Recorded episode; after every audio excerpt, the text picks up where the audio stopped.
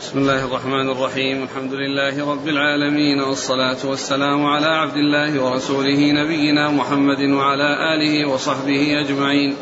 أما بعد فيقول الإمام الحافظ أبو عبد الله بن ماجة القزويني رحمه الله تعالى يقول في سننه باب ما يدعو به الرجل إذا أصبح وإذا أمسى قال حدثنا أبو بكر قال حدثنا الحسن بن موسى قال حدثنا حماد بن سلمة عن سهيل بن أبي صالح عن أبيه عن أبي عياش الزرقي رضي الله عنه أنه قال قال رسول الله صلى الله عليه وعلى آله وسلم من قال حين يصبح لا إله إلا الله وحده لا شريك له له الملك وله الحمد وهو على كل شيء قدير. كان له عدل رقبة من ولد إسماعيل وحط عنه عشر خطيئات ورفع له عشر درجات وكان في حرز من الشيطان حتى يمسي وإذا أمسى فمثل ذلك حتى يصبح. قال فرأى رجل رسول الله صلى الله عليه وعلى آله وسلم فيما يرى النائم فقال يا رسول الله إن أبا عياش يروي عنك كذا وكذا. فقال صدق أبو عياش. بسم الله الرحمن الرحيم. الحمد لله رب العالمين وصلى الله وسلم وبارك على عبده ورسوله نبينا محمد وعلى آله وأصحابه أجمعين. أما بعد فيقول الإمام ماجه رحمه الله باب ما يقوله الرجل إذا أصبح وإذا أمسى. أي ما يؤتى به من من أذكار الصباح والمساء. والتعبير بالرجل لا مفهوم له. فكذلك النساء. كذلك المرأة ولكن لكون الغالب على أن الخطاب مع الرجال فإنه يأتي ذكرهم. وليس المقصود آه، القصر الأحكام عليهم وإنما المقصود لكون الغالب الخطاب معهم. وإلا فإن الحكم في ذلك شامل شامل للرجال والنساء. والأصل هو التساوي بين الرجال والنساء في الأحكام إلا إذا جاءت أدلة تدل على التمييز بينهم وبين الرجال وبين النساء فعند ذلك يصار إلى الأدلة المميزة التي تجعل آه، أحكام النساء غير أحكام الرجال مثل الميراث فإن آه، للرجل مثل حظ الأنثيين ومثل الدية فإن المرأة على نصف الرجل ومثل العقيقة. فالمرأة على نصف الرجل ومثل العتق فإن عتق المرأة يعني بالنسبة للرجل يعني على النصف من الرجل لأن من أعتق يعني عبدين كان فكاكه من أعتق عبدا كان فكاكه من النار ومن أعتق جاريتين كان كانت فكاكه من النار. وكذلك العقيقة أنه يعق عن الغلام شاتان وعن الجارية واحدة هذا جاءت السنة في التمييز بين الرجال والنساء في الأحكام. والذي لم يأتي فيه تمييز الأصل هو التساوي. فإذا قول ابن ماجه رحمه الله باب ما يقوله الرجل إذا أصبح وإذا أمسى الرجل لا مفهوم له. لا مفهوم له. فإن أحكام النساء مثل أحكام الرجال في هذه في هذه الأمور. ثم ذكر حديث أبي عياش الزرقي رضي الله عنه.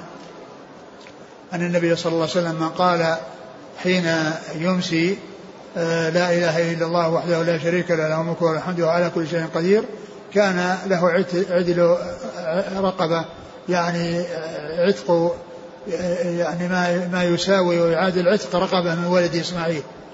يعني هذه الكلمة التي يقولها في الصباح وفي المساء عندما يقول عندما يقولها ويأتي بها في الصباح يكون له أمور أربعة. يعني أنه يعادل عتق رقبة ولد إسماعيل ويرفع له عشر درجات ويحط عنه عشر خطيئات ويكون حرزا من الشيطان في حرز من الشيطان حتى يمسي إذا قال ذلك في الصباح وكذلك يكون في حرز من الشيطان إذا قال ذلك في المساء.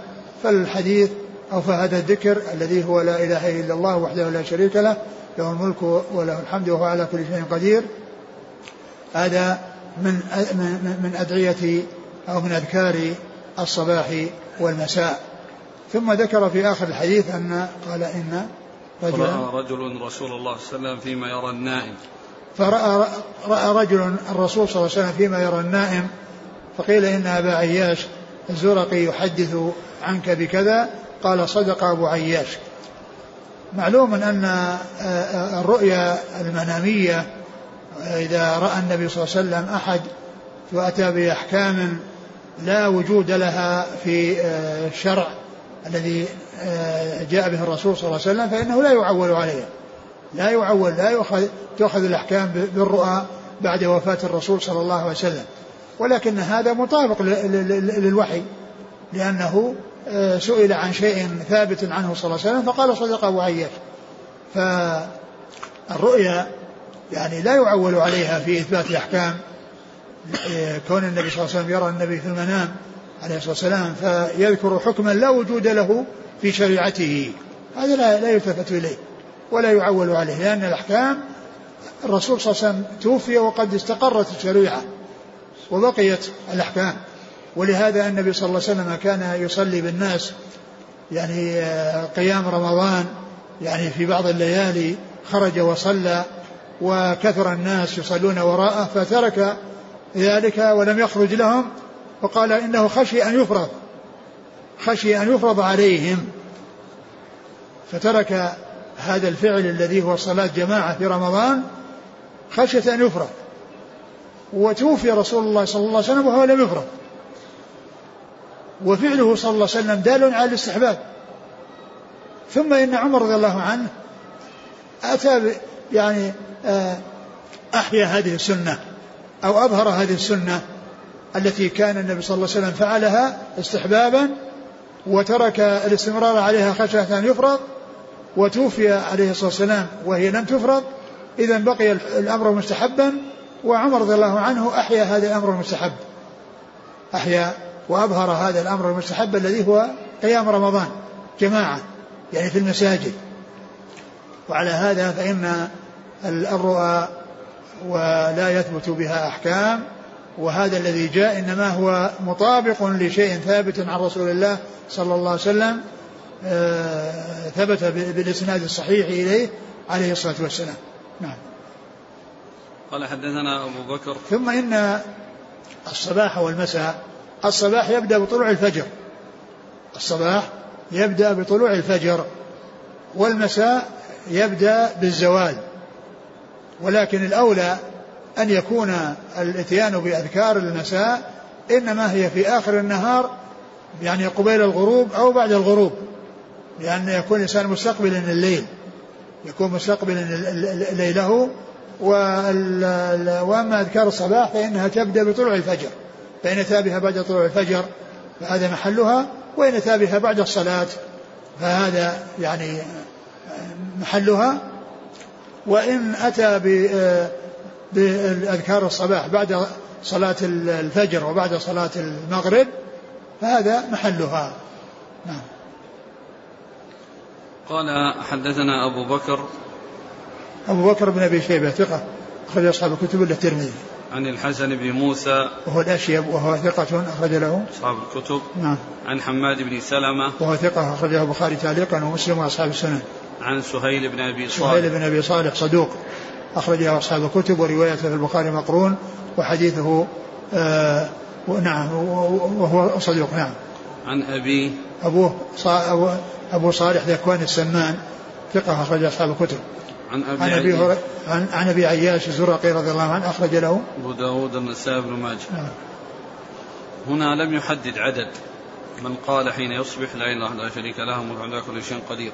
نعم. كان له كعدل رقبة. نعم. هو هذا يعني آه، هو جاء في بعض الحديث سبقا مر بنا الحديث أنه من قال في كل يوم يعني كان عدل عشر رقاب وكذا. يعني مر مر بنا حديث لكن هذا الحديث ذكر فيه آه هذا الذكر في الصباح وفي المساء وما يترتب عليه من الأجر وأنه مرة واحدة. قال حدثنا يعقوب بن حميد بن كاسب قال حدثنا عبد العزيز بن أبي حازم عن سهيل عن أبيه عن أبي هريرة رضي الله عنه أنه قال قال رسول الله صلى الله عليه وعلى آله وسلم إذا أصبحتم فقولوا اللهم بك أصبحنا وبك أمسينا وبك نحيا وبك نموت. وإذا أمسيتم فقولوا اللهم بك أمسينا وبك أصبحنا وبك نحيا وبك نموت وإليك المصير. ثم ذكر هذا الحديث المشتمل على أدعية الصباح والمساء. قال إذا أصبحتم فقولوا اللهم بك أصبحنا وبك أمسينا وبك نحيا وبك نموت. وإذا يعني أمسيتم فيقول اللهم بك أمسينا وبك وبك آه، نحيا وبك وبك نموت وإليك المصير. وجاء يعني من طريق أخرى عن أبي هريرة نفسه في سنن أبي داود أنه يقول آه، يقول يعني هذا الذكر ويقول أيضا في كل منهما في نهايته وإليك النشور وإليك النشور. فيعني هنا ذكر وإليك المصير ذكره في المساء ولم يذكر في الصباح شيئا ولكن الحديث جاء من هذا الإسناد نفسه الذي هو عن أبي سهيل بن أبي صالح عن أبيه سهيل بن أبي صالح نعم. عن أبيه عن أبي هريرة آه وفيه آه أنه يأتي بالذكر في الصباح وفي المساء ويأتي وإليه النشور في, في الاثنين. وهذا في سنن أبي داود. بهذا الإسناد إلا يعني في شيخ شيخ ابن ماجه وشيخ شيخه والباقي الإسناد واحد. اللهم اللهم بك أصبحنا يعني بك أصبحنا يعني آآ آآ آآ أن أن أن أن, أن إصباحنا وحصول الإصباح منا إنما هو بالله ومشيئة الله وبإرادة الله. ما شاء الله كان وما لم يشاء لم يكن. بك أصبحنا وبك أمسينا وبك نحيا وبك نموت. يعني كل ذلك بقدرة الله عز وجل ومشيئته وإرادته فإن آه، آه، إصباحنا وإمساءنا وحياتنا وموتنا كل ذلك بمشيئته سبحانه وتعالى وإرادته وفي آخر آخره وإليك النشور يعني البعث البعث من القبور وحصول النشور منها وكذلك ما يترتب عليه ما ما يكون وراءه من من من حشر وعرض وحساب وصراط وميزان وما إلى ذلك. نعم. قال حدثنا يعقوب بن حميد بن كاسب صدوق أخرج له البخاري في خلق افعال العباد وابن ماجه. نعم. عن عبد العزيز بن أبي حازم وهو ثقة صدوق صدوق أخرج له أصحاب الكتب نعم. نعم. عن سهيل عن أبيه عن أبي هريرة نعم. قال حدثنا محمد بن بشار قال حدثنا أبو داود قال حدثنا ابن أبي الزناد عن أبيه عن أبان بن عثمان قال سمعت عثمان بن عفان رضي الله عنه يقول سمعت رسول الله صلى الله عليه وعلى آله وسلم يقول ما من عبد يقول في صباح كل يوم ومساء كل ليلة. بسم الله الذي لا يضر مع اسمه شيء في الأرض ولا في السماء وهو السميع العليم. ثلاث مرات فيضره شيء. قال كان أبان قد أصابه طرف من الفالج فجعل الرجل ينظر إليه فقال له أبان ما تنظر إلي؟ أما أن الحديث كما قد حدثتك ولكني لم أقله يومئذ ليمضي الله علي قدره. ثم ذكر هذا الحديث عن عثمان بن عفان رضي الله تعالى عنه أن النبي صلى الله عليه وسلم قال ما من مسلم يقول في صباح كل يوم ومسائه بسم الله الذي لا يضر مع اسمه شيء في الأرض ولا في السماء وهو السميع العليم لم يضره شيء. فهذا يعني يدل على أن هذا الذكر من أدعية الصباح والمساء وأن آه، وأن من يأتي به في صباحه أو في مسائه لا يضره شيء يعني في ذلك اليوم أو في تلك الليلة. بسم الله الذي لا يضر مع اسمه شيء في الأرض ولا في السماء وهو السميع العليم. وكان يعني أبان الذي يروي عن أبيه عثمان أصابه طرف من فالج يعني فيه يعني آآ آآ مرض يعني تعطل فيه بعض أعضائه أو حصل له يعني شيء من من من من العيب أو من الضرر. فلما سمع هذا الحديث جعل رجل ينظر إليه يعني يقول يعني كيف يعني الرسول صلى الله عليه وسلم قال من قال كذا لم يضره شيء وهو قد حصل له الضرر. فلما رآه ينظر أراد أن يبين أنه أن أن أن كلام الرسول صلى الله عليه وسلم على ما هو عليه ولكنه كان في يوم من الأيام ما حصل منه ذلك فحصل له هذا الشيء قال ليمضي الله يعني الأمر الذي قدره وقضاه. يعني أن هذا الذي قد حصل إنما كان لأنه لم يأتي بهذا الذكر في يوم من الأيام فحصل له ذلك المرض. قال ذلك لينبه هذا الذي سمع حديث الرسول صلى الله عليه وسلم ثم رأى يعني شيئا يعني لا يوافقه وأنه حصل له المرض مع أنه يروي هذا الحديث ومعنى ذلك أنه يقوله يعني يأتي هذا الدعاء فبين أن أنه حصل منه في يوم من الأيام أنه ما أتى بذلك أنه نسي أو حصل أي شيء يعني أذهله عنه فحصل ما حصل. نعم. قال حدثنا محمد بن بشار. هو الملقب بن دار ثقة أخرج أصحاب الكتب. عن أبي داود. وهو سليمان بن داود الطيالسي ثقة أخرجه البخاري تعليقا ومسلم وأصحاب السنن عن ابن أبي الزناد. وهو عبد الرحمن ابن أبي الزناد وهو صدوق أخرجه البخاري تعليقا ومسلم في المقدمة وأصحاب السنن عن أبي. وأبوه أبو, أبو الزناد هو عبد هو عبد الله بن ذكوان وهو ثقة أخرج أصحاب الكتب وكنيته أبو الزناد وأما لقبه أبو الزناد وكنيته أبو عبد الرحمن لأنه يكنى بابن أبي الزناد الذي هو عبد الرحمن هذا الذي يروي عنه. كنيته أبو عبد الرحمن ولقبه أبو الزناد ولكنه لقب, لقب على صيغة الكنية. ليس يعني كنية ولكنه لقب على صيغة الكنية وكنيته أبو عبد الرحمن. هذا الذي يروي عنه في هذا الحديث. لأن لأن ابن أبي الزناد عبد الرحمن بن أبي الزناد الذي يكنى به أبو الزناد. و عن عن أبان بن عثمان. عن أبان بن عثمان ثقة أخرج أصحاب الكتب. البخاري في المفرد ومسلم وأصحاب السنن. عن أبيه عن, عن أبيه عثمان بن عفان رضي الله تعالى عنه آه، وحديثه عند أصحاب الكتب الستة وهو أمير المؤمنين وثالث الخلفاء الراشدين الهادي المهديين صاحب المناقب الجمة والفضائل الكثيرة رضي الله عنه وأرضاه.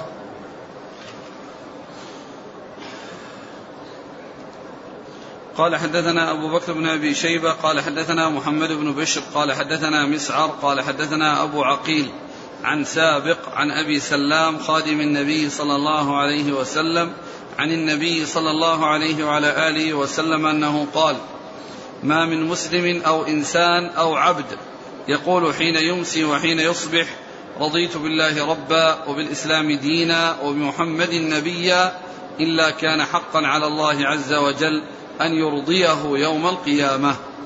ثم ذكر هذا الحديث عن النبي صلى الله عليه وسلم أنه قال ما من عبد يقول حين يصبح وحين يمسي رضيت بالله ربا وبالإسلام دينا وبمحمد رسولا فإلا كان حقا على الله أن يرضيه لأنه يعني أتى بهذا الذكر قائلا رضيت بالله ربا وبالإسلام دينا وبمحمد صلى الله عليه وسلم رسولا فهذا من أذكار الصباح والمساء ويعني ضعفه يعني بعض أهل العلم وبعض أهل العلم حسنه و وفيه آه، آه، ذكر الرضا وإعلان الرضا بالله ربا وبالنبي صلى الله عليه وسلم رسولا وبالإسلام دينا. وهذه الأمور الثلاثة هي التي يسأل عنها في القبر. هذه الأمور الثلاثة هي التي يسأل عنها في القبر. يسأل الإنسان في قبره عن ربه ودينه ونبيه. وشيخ الإسلام محمد بن عبد الوهاب رحمه الله ألف رسالة صغيرة في عنوانها الأصول الثلاثة أو الثلاثة الأصول وهي والمراد بها هذه الأصول الثلاثة التي جاءت في هذا الحديث والتي يسأل عنها الميت في قبره.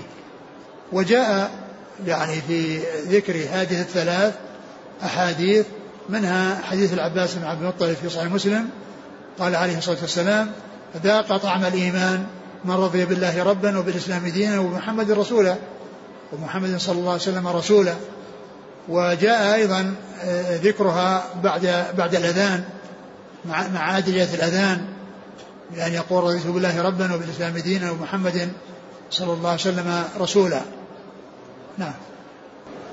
قال حدثنا أبو بكر بن أبي شيبة عن محمد بن بشر. هو ثقة أخرج أصحاب الكتب. عن مسعر. ابن كدام ثقة أخرج أصحاب الكتب. عن أبي عقيل. وهو هاشم ابن بلال وهو ثقة. أخرج أبو داود النسائي بن ماجه. نعم. عن سابق. سابق بن ناجية وهو مقبول. أخرج أبو داود النسائي بن ماجه. نعم. عن أبي سلام وهو منظور. وهو ثقة أخرج البخاري المفرد ومسلم وأصحاب السنن. نعم. وجاء هنا قال إيش عن؟ عن أبي سلام خادم النبي. نعم. هذا جاء يعني هنا أبي سلام. وأبو سلام آه، ليس يعني هو من التابعين ليس من الصحابة. وإنما يعني يروي عن عن خادم رسول الله صلى الله عليه وسلم. جاء في بعض الروايات في بعض الأسانيد عن أبي سلام عن خادم رسول الله صلى الله عليه وسلم. فيكون ال ال ال ال يعني آه آه ذكر أن أبا سلام خادم الرسول. هذا يعني غير يعني غير صحيح. والصحيح أنه يروي عن خادم رسول الله صلى الله عليه وسلم. ذكر قال عن خادم عثمان الصواب ورمز له بقاف نعم. دون أن يعر- يعرف به. نعم هو ال- الصحابة رضي الله عنهم وأرضاهم المجهول فيهم في حكم المعلوم. يعني إذا عرف أنه صحابي يكفي أن أن يعلم بأنه صحابي. والصحابة رضي الله عنهم لا يحتاجون إلى توثيق الموثقين وتعديل المعدلين بل يكفيهم ثناء الله عز وجل وثناء رسوله صلى الله عليه وسلم. ولهذا نجد أن كتب الرجال عندما يترجمون للرواة إذا كان صحابيا يقولون صحابي. ما يقولون عن الصحابي ثقة ولا كذا هذه الثقة هذه تقال لمن دون الصحابة اللي يبحث عن عدالتهم ويعرف أنهم ثقات أو غير ثقات. أما الصحابة فيكفيهم شرفا ونبلا أنهم صحبوا رسول الله صلى الله عليه وسلم. ولهذا إذا يعني الصحابة المجهول في الصحابة كالمعلوم. بخلاف غيرهم فإن المجهول مجهول ولا يكون معلوما حتى يعرف حاله ويعرف أنه ثقة. فإذا جاء في الإسناد عن فلان عن رجل عن فلان فإن هذا يعني هذا يضعف الإسناد. لكن إذا انتهى الإسناد برجال ثقات وقيل عن رجل صاحب النبي صلى الله عليه وسلم عن رجل صاحب النبي صلى الله عليه وسلم يكفي. لا يحتاج إلى أن يعرف اسمه لأن المجهول في الصحابة في حكم المعلوم. نعم. قال حدثنا علي بن محمد الطنافسي قال حدثنا وكيع عن عبا قال حدثنا عبادة بن مسلم قال حدثنا جبير بن أبي سليمان بن جبير بن مطعم قال سمعت ابن عمر رضي الله عنهما يقول لم يكن رسول الله صلى الله عليه وعلى آله وسلم يدع هؤلاء الدعوات حين يمسي وحين يصبح. اللهم إني أسألك العفو والعافية في الدنيا والآخرة. اللهم إني أسألك العفو والعافية في ديني ودنياي وأهلي ومالي. اللهم استر عوراتي وآمن روعاتي واحفظني من بين يدي ومن خلفي وعن يميني وعن شمالي ومن فوقي وأعوذ بك أن أغتال من تحتي.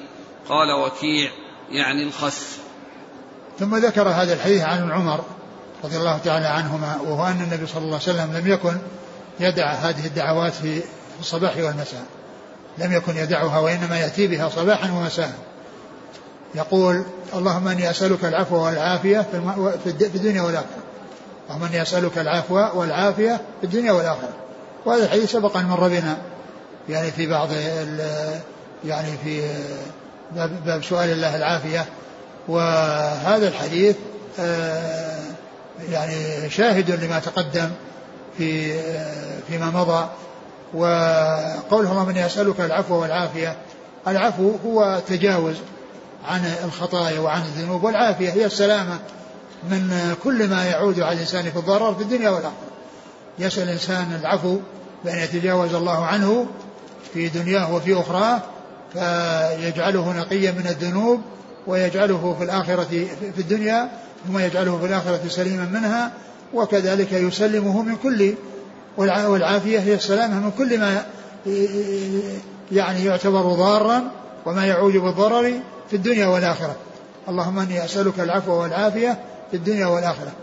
اللهم أني أسألك العفو والعافية في أهلي في في ديني ودنياي. في ديني ودنياي. في دين في ديني ودنياي يعني في آه في في آخرته وفي دنياه.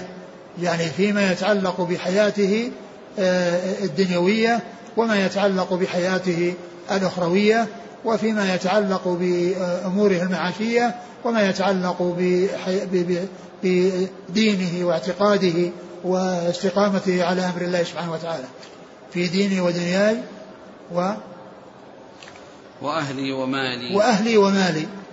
يعني يسأله العفو والعافية في أهله بأن تحصل يعني يتحقق فيهم هذا الشيء وكذلك في ماله بأن يكون آه، يعني تحصل السلامة له من كل ما يعود عليه بالضرر. ومن كل ما يكون آه، فيه آه، كونه يعني يكون حراما أو يؤخذ من حرام ويصرف في حرام لأن كل ذلك من العافية.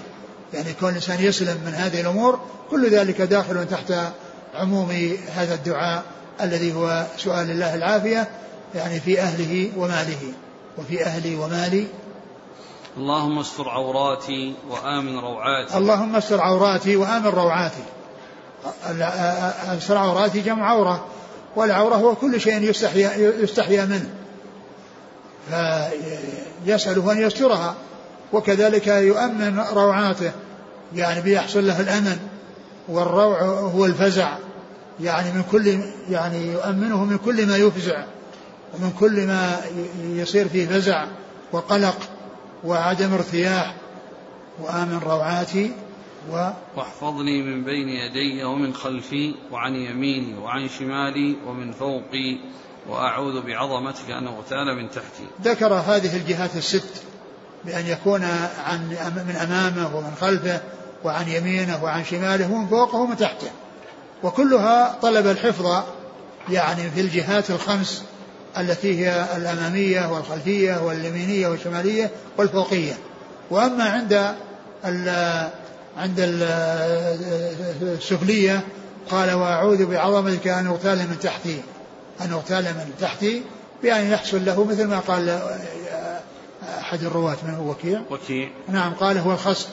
يعني يغتال يعني تخفيه الأرض أو يعني يختفي في الأرض وأن يعني يذهب في الأرض. الذي هو الخسف الذي هو الخسف بأن تبتلعه الأرض.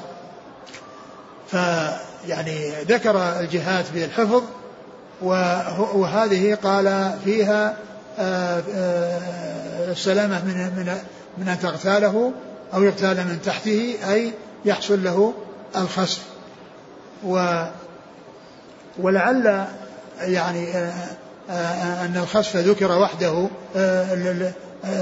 أن يغتال من تحته. يعني أتى بهذه العبارة قال ولم يقل من تحتي كما قال من فوقه ومن شماله ومن تحته كذا لأن اليمين والشمال والخلف واللي فوق كله مكشوف وأما اللي تحت فهو يعني أرض. فالذي يحصل أن أنه يغاص فيها يعني أنه يغتال من تحته بمعنى أنه يغاص في الأرض. وذكر الأشياء المكشوفة بالحفظ لأن لا يصل إليه من, من جميع الجهات شيء يسوءه وأن لا يحصل له آه، أن يعني يغاص في الأرض أو أن تبتلعه الأرض أو أن يغيب في الأرض الذي هو الخسف. نعم. قال حدثنا علي بن محمد الطنافسي. صدوق أخرجه البخاري أخرج له النسائي في مسجد وابن ماجه. ثقة. ثقة. النسائي في مسجد وابن ماجه درجته. هو نعم ثقة ثقة. ثقة. نعم. عن وكيع. وكيع الجراح ثقة أخرج أصحاب الكتب. عن عبادة بن مسلم. هو؟ ثقة أخرج البخاري المفرد وأصحاب السنن. نعم. عن جبير بن أبي سليمان بن جبير بن مطعم. وهو؟ ثقة أخرج البخاري المفرد وأبو داود والنسائي بن ماجه. نعم. عن ابن عمر. رضي الله عنهما أحد العبادلة الأربعة من الصحابة وأحد السبعة المكثرين من حديث الرسول صلى الله عليه وسلم. بدر الدين العيني له كتاب اسمه العلم الهيب شرح الكلم الطيب.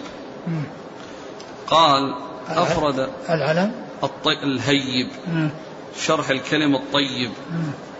قال أفرد الجهة السادسة بقوله وأعوذ بك أن أغتال من تحتي إشارة إلى أنه ما ثم مهلكة من المهالك أشد وأفظع من التي تعرض لابن آدم من جهة التحت وذلك مثل الخسف ولذلك فسر وكيع الاغتيال بالخسف. يعني مثل الخسف. نعم هو قد يكون يعني آه، قد يكون فيه خسف وقد يكون فيه آه، يعني شيء يظهر من الأرض يعني دون خسف مثل البركان والبراكين. فإن أنها تظهر من الأرض ويصير فيه فيه ضرر. لكن هذا يعني تفسير بالمثال يعني. يعني معناه أنه تفسير بالمثال ذكر الخسف وإلا فإن قد يحصل بدون خسف يعني مثل شيء يخرج من الأرض يعني مثل البركان وهذا لا يعتبر خسفا وإنما شيء ظهر من الأرض. قال حدثنا علي بن محمد قال حدثنا إبراهيم بن عيينة قال حدثنا الوليد بن ثعلبة عن عبد الله بن بريدة عن أبيه رضي الله عنه أنه قال قال رسول الله صلى الله عليه وعلى آله وسلم اللهم أنت ربي لا إله إلا أنت خلقتني وأنا عبدك وأنا على عهدك ووعدك ما استطعت أعوذ بك من شر ما صنعت أبوء بنعمتك وأبوء بذنبي فاغفر لي إنه لا يغفر الذنوب إلا أنت. قال قال رسول الله صلى الله عليه وعلى آله وسلم من قالها في يومه وليلته فمات في ذلك اليوم أو تلك الليلة دخل الجنة إن شاء الله تعالى. ثم ذكر هذا الحديث وهذا هذا الدعاء من الصباح والمساء.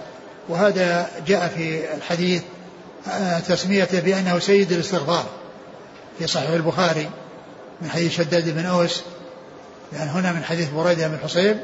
وقد جاء في البخاري من رواية شداد بن أوس وفيه وصف الرسول صلى الله عليه وسلم لأنه بأنه سيد الاستغفار. آه، يقول عليه الصلاة والسلام في هذا الحديث آه، اللهم أنت اللهم أنت ربي اللهم أنت ربي لا إله إلا اللهم أنت ربي لا, لا إله إلا أنت خلقتني وأنا عبدك وأنا على عهدك ووعدك ما استطعت. أعوذ بك من شر ما صنعت أبوء لك أبوء بنعمتك علي وأبوء بذنبي. فاغفر لي فإنه لا يغفر الذنوب إلا أنت. هذا آه، سيد الاستغفار كما وصفه الرسول صلى الله عليه وسلم وقد مهد لطلب المغفرة بهذا التمهيد الذي فيه الثناء على الله عز وجل والاعتراف بربوبيته وألوهيته وأنه الإله الحق الذي لا تكون العبادة إلا له. وأن الإنسان مقر بذنوبه ومعترف بنعم الله عز وجل عليه ثم إنه بعد ذلك يسأل الله عز وجل أن يغفر له ويثني عليه بعد ذلك بأنه لا يغفر الذنوب إلا هو فإنه لا يغفر الذنوب إلا أنت. يقول اللهم أنت ربي اللهم أنت ربي لا إله إلا أنت. ففي ذكر الربوبية والألوهية. قوله أنت ربي ربوبية ولا إله إلا أنت الألوهية وأنواع التوحيد ثلاثة توحيد الربوبية وتوحيد الألوهية وتوحيد الأسماء والصفات. فتوحيد الربوبية توحيد الله بأفعاله. ككونه خالقا رازقا محييا مميتا آه يعني آه متصرفا في الكون كيف يشاء. وتوحيد الألوهية توحيد الله بأفعال العباد. كدعائهم وخوفهم ورجائهم ورغبتهم ورهبتهم واستغاثتهم وذبحهم ونذرهم وغير ذلك. هذه أفعال العباد. يعني يعني معناه يجب عليهم أن يجعلوها خالصة لله. كما أنه لا خالق إلا الله ولا رازق إلا الله فلا إله إلا الله ولا معبود بحق إلا هو سبحانه وتعالى. فتوحيد الربوبية توحيد الله بأفعاله سبحانه وتعالى. الله واحد في خلقه وإيجاده وتصرفه في الكون كيف يشاء. هو الخالق الرازق المحيي المميت. المتصرف في الكون كيف يشاء. وتوحيده هي توحيد الله بأفعال العباد بأن يخصوه بأفعالهم. فلا يدعون إلا الله ولا يستغيثون إلا بالله ولا يتوكلون إلا على الله ولا يذبحون إلا لله ولا ينذرون إلا الله وهكذا. اللهم أنت ربي لا إله إلا أنت خلقتني. ثم ذكر يعني تفضل الله عز وجل عليه بالإيجاد وأنه هو الذي خلقه وأوجده خلقتني ثم أظهر ضعفه إليه وافتقاره إليه واستسلامه وانقياده له. سبحانه وتعالى قال وأنا عبدك. يعني أنت خلقتني وأنا عبدك. وأنا على عهدك ووعدك ما استطعت. وأنا على عهدك يعني ما عهدت إلي من تكاليف وما عهدت إلي من من من من, من, من أعمال أمتثل المأمور منها الأمر الأوامر منها وأنتهي عن النواهي.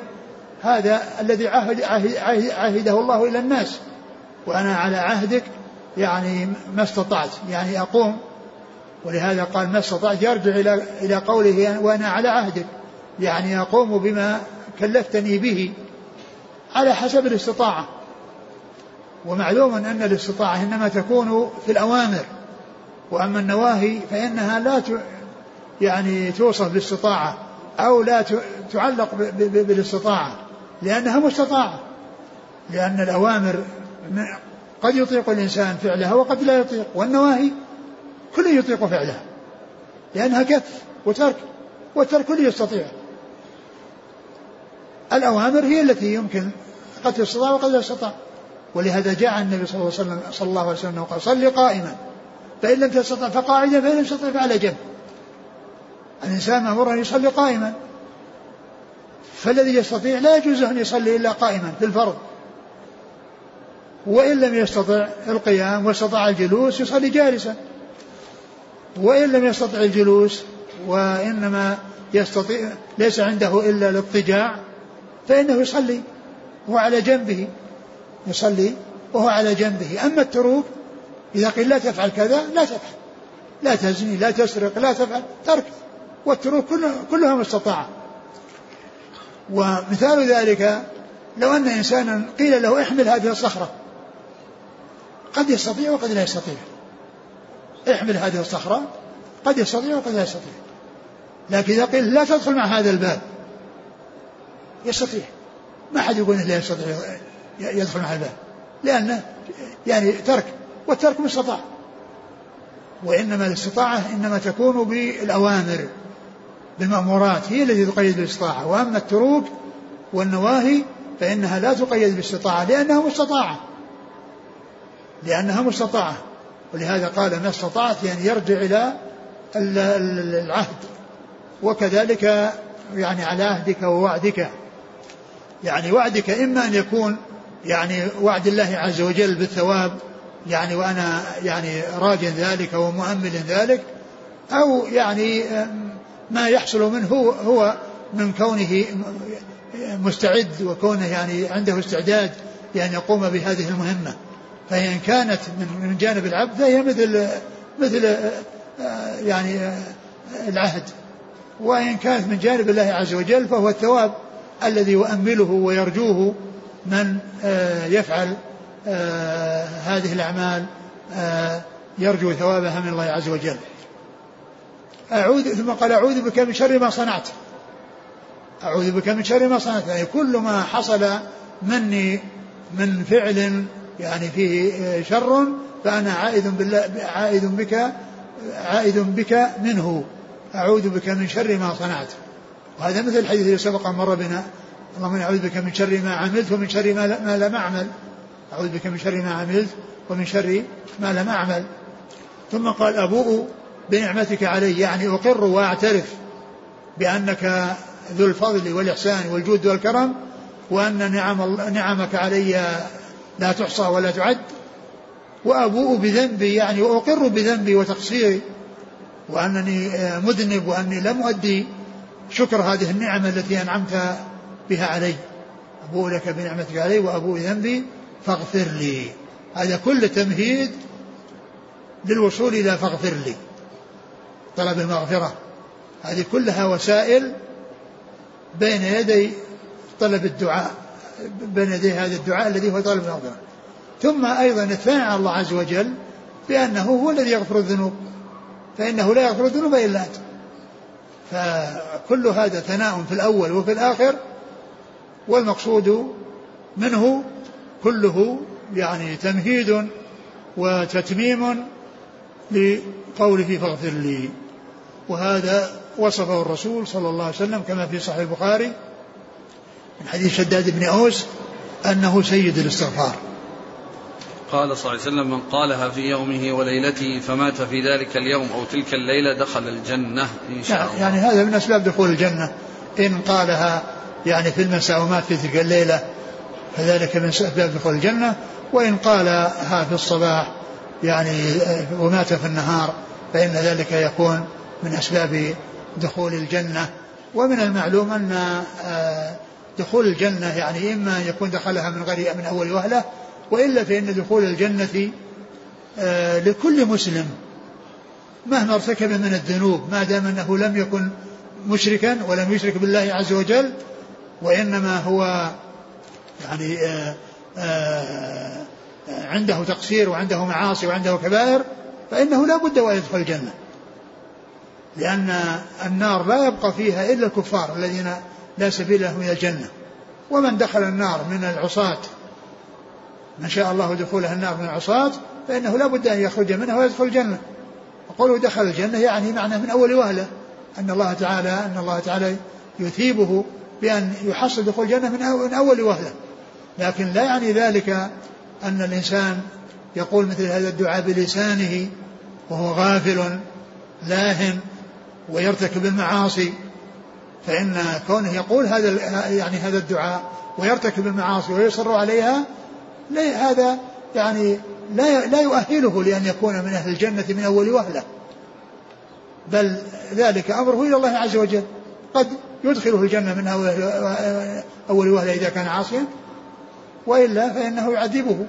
لكن كون الإنسان يأتي بهذا الدعاء وهو, وهو مصر على المعاصي ومرتكب للكبائر يعني لا شك أن, أن, أن أنه ما ما أتى بما يقتضيه هذا الدعاء من كون الإنسان آه، يعني يقر بالنعم ويشكر الله عز وجل عليها وكذلك يعني يتعوذ بالله من شر ما صنع. نعم. قال حدثنا علي بن محمد عن إبراهيم بن عيينة. هو صدوق أخرج له. أبو داود والنسائي بن ماجه. نعم. عن الوليد بن ثعلبة. وهذا أخو سفيان بن عيينة. إبراهيم بن عيينة أخو سفيان بن عيينة. نعم. عن الوليد بن ثعلبة. وهو؟ ثقة أخرج أبو داود والنسائي بن ماجه. نعم. عن عبد الله بن بريدة عن أبيه. عبد الله بن بريدة آه، ثقة أخرج أصحاب الكتب. وأبوه بريدة بن حصين آه، صحابي أخرجه أصحاب الكتب. يقول هنا الحافظ بن حجر في الفتح الحديث أخرجه البخاري من حديث شداد بن أوس وفيه أنه سيد الاستغفار. قال الحافظ قال ابن أبي جمرة جمع صلى الله عليه وسلم في هذا الحديث من بديع المعاني وحسن الألفاظ ما يحق له أن يسمى سيد الاستغفار. ففيه الإقرار لله وحده بالإلهية والعبودية والاعتراف بأنه الخالق والإقرار بالعهد الذي أخذه عليه والرجاء بما وعده به والاستعاذة من شر ما جنى العبد على نفسه وإضافة النعماء إلى موجدها وإضافة الذنب إلى نفسه ورغبته في المغفرة واعترافه بأنه لا يقدر أحد على ذلك إلا هو. قال رحمه الله تعالى باب ما يدعو به إذا أوى إلى فراشه.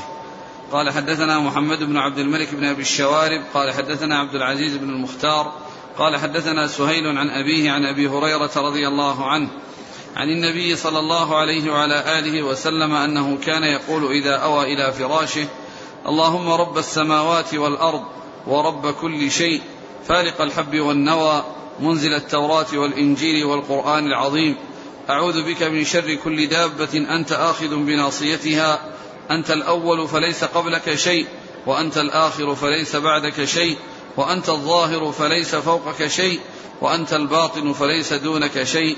اقض عني الدين وأغنني من الفقر. ثم ذكر هذه الترجمة باب ما يقوله إذا أوى إلى فراشه يعني عند النوم يعني الأدعية عند النوم ما يدعو به عند النوم. وذكر هذا الحديث الذي سبق أن مر بنا في الأدعية في في في دعاء الرسول صلى الله عليه وسلم وهو في ما علمه النبي صلى الله عليه وسلم لفاطمة.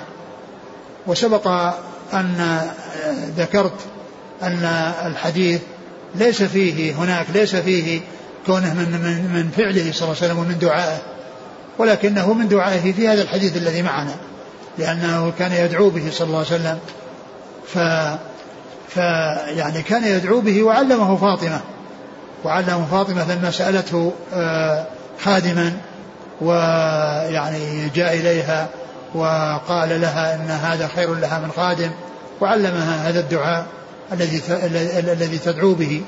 وجاء هذا الحديث يعني في هنا في أنه عند النوم وكذلك يعني جاء في فاطمة حديث آخر أنه أيضا علمها أن أن تسبح أن تسبح وتحمد آه، ثلاثا وثلاثين وتكبر أربعا وثلاثين وكذلك عند النوم وهذا أيضا من جنسه فيكون ذلك الدعاء ثابتا وهذا الدعاء أيضا ثابت في آه، فيما يتعلق بما يغني أو يحصل به الاستغناء عن الخادم وذلك بأن تحصل له القوة ويحصل له النشاط وبحيث يستغني عن الخدم. فالحديث سبق أن مر في باب ما كان باب دعاء النبي صلى الله عليه وسلم نفس الحديث. وهنا ذكره أن أنه من من من فعله ومن آه، دعائه صلى الله عليه وسلم. نعم. قال حدثنا محمد بن عبد الملك بن ابي الشوارب هو؟ صدوق له مسلم والترمذي والنسائي بن ماجه. نعم. عن عبد العزيز بن المختار وهو؟ ثقة أصحاب الكتب. نعم. عن سهيل عن أبي عن أبي هريرة. نعم.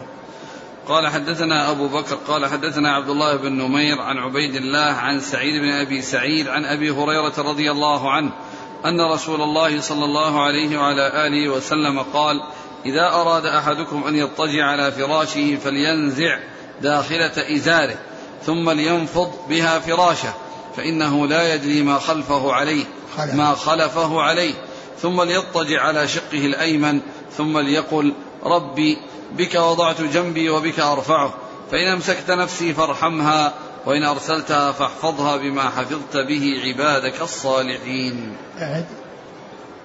قال حدثنا أبو بكر قال حدثنا عبد الله بن نمير عن عبيد الله عن سعيد بن أبي سعيد عن أبي هريرة رضي الله عنه أن رسول الله صلى الله عليه وسلم قال إذا أراد أحدكم أن يضطجع على فراشه فلينزع داخلة إزاره ثم لينفض بها فراشه فإنه لا يدري ما خلفه عليه ثم ليضطجع على شقه الأيمن ثم ليقل ربي بك وضعت جنبي وبك أرفعه فإن أمسكت نفسي فارحمها وإن أرسلتها فاحفظها بما حفظت به عبادك الصالحين. ثم ذكر هذا الحديث أن النبي صلى الله عليه وسلم قال يعني إذا أراد أن يأوي إلى فراشه فإنه يعني ينفض ينفض فراشه بداخلة إزاره يعني يعني تكون يعني يعني بحيث يعني يمسك بيمينه من من ظهر إزاره فيعني فينفض به فيكون داخل الإزار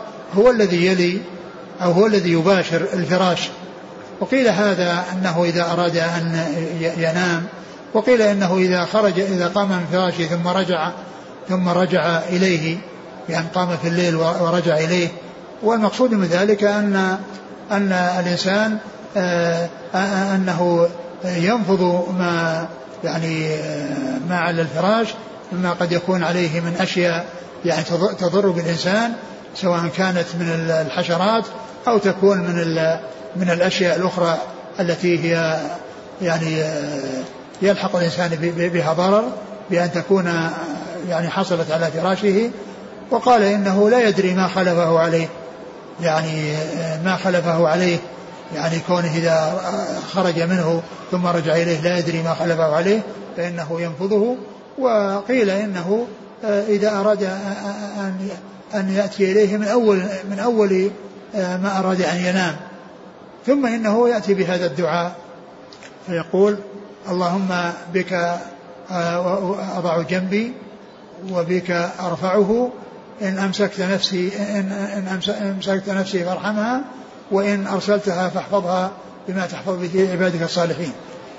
آه، المقصود من هذا قوله بك أضع جنبي وبك أرفعه يعني بك يعني يطج على شقه الأيمن ويقول أضع جنبي يعني على الأرض يعني راقدا وبك أرفعه.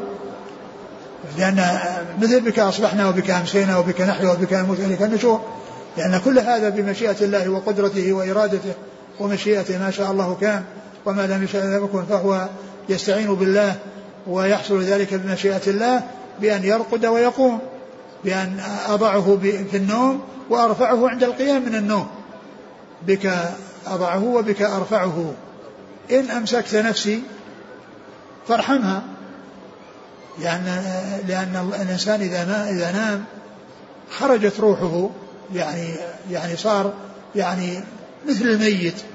وقد جاء في يعني في الحديث أن أن النوم أخو الموت وأهل الجنة لا يموتون لا ينامون.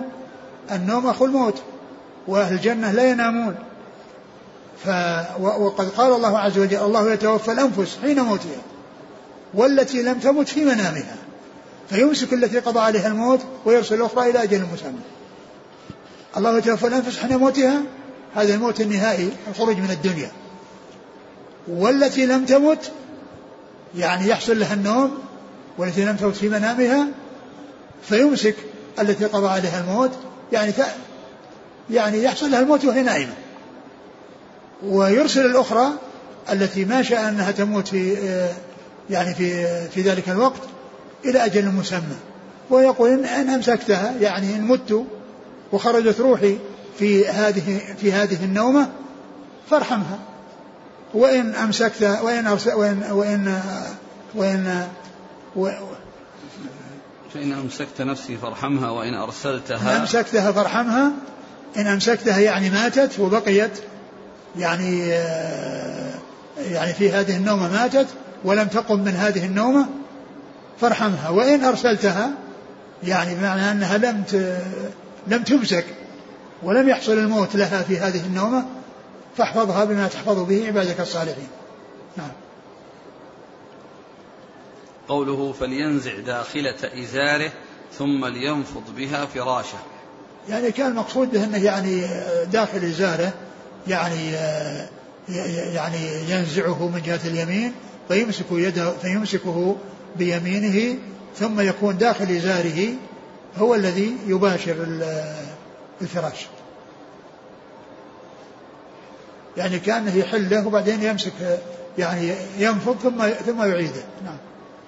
لكن هل المقصود لابد من هذا؟ يعني لو مثلا عنده منشفة ولا عنده خرقة ثانية ينفض يمكن يصلح ولا لا يمكن لأن الإنسان لأن ما كل بعض الناس ما عليهم وزر أو كثير من الناس ما عليهم وزر المهم أنه يزيل يعني هذا الشيء الذي عليه إذا كان عليه شيء.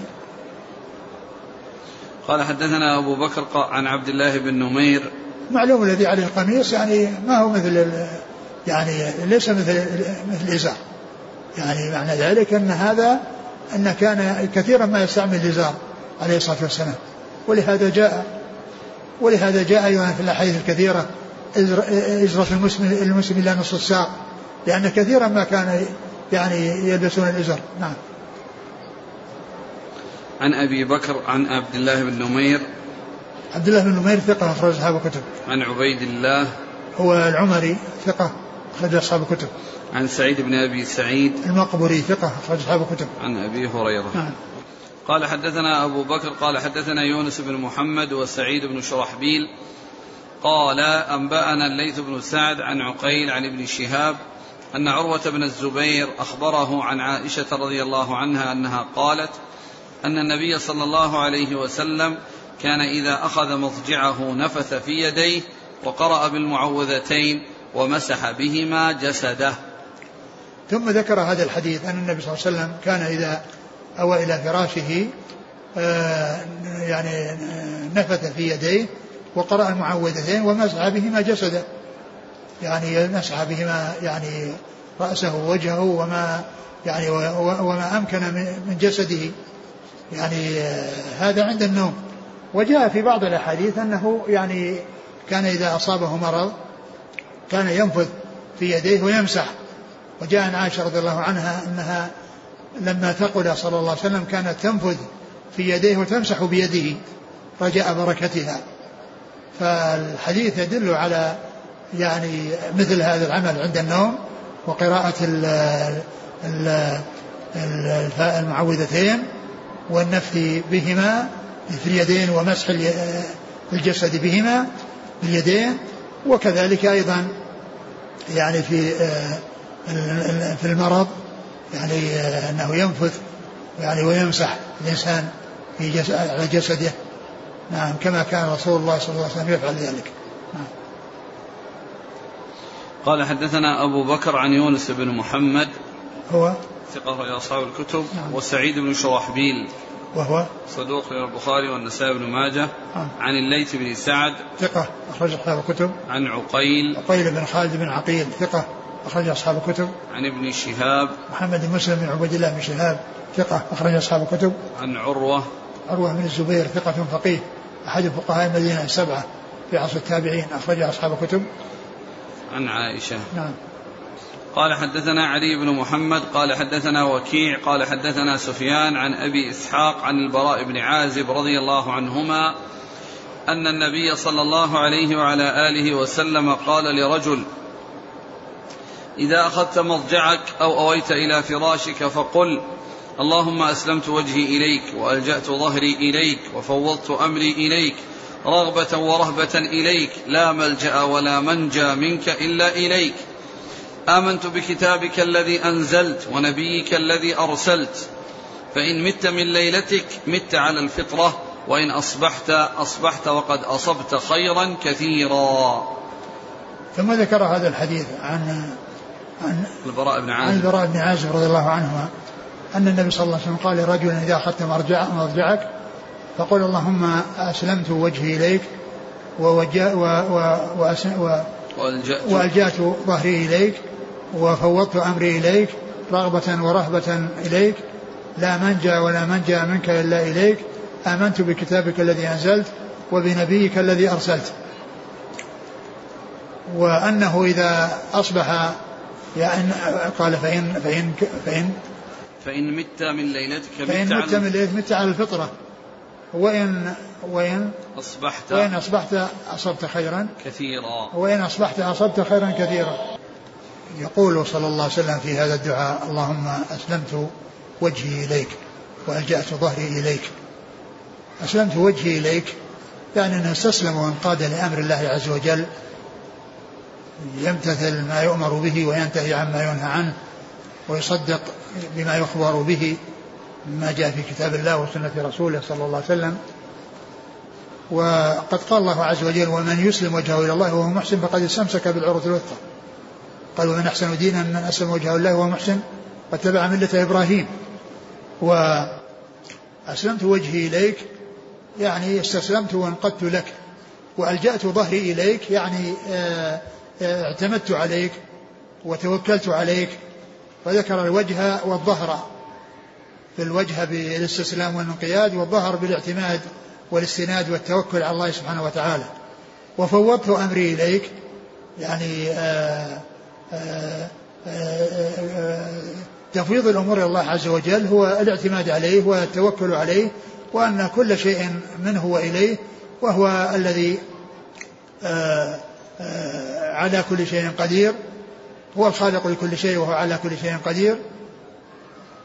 لا منجا ولا منجا منك إلا إليك. يعني لا ملجأ يعني لأحد إلا باللجوء إليه. ولا منجا لأحد من عذابه إلا منه سبحانه وتعالى والاعتماد عليه وسؤاله سبحانه وتعالى أن ينجيه وأن يخلصه من كل ما يعود عليه بالضرر فهو الذي يلتجأ إليه ويعتمد عليه وهو الذي آه لا مفر منه إلا إليه سبحانه وتعالى. وقال آمنت بكتابك الذي أنزلت. آمنت بكتابك الذي أنزلت. وبنبيك الذي أرسلت.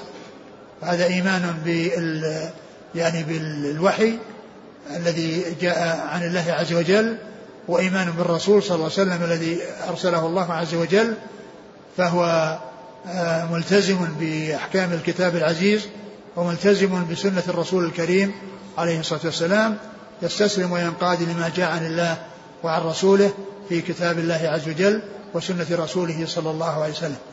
قال فإنك إن مت يعني في ليلتك وأنت نائم مت على الفطرة يعني على الإسلام وعلى الدين.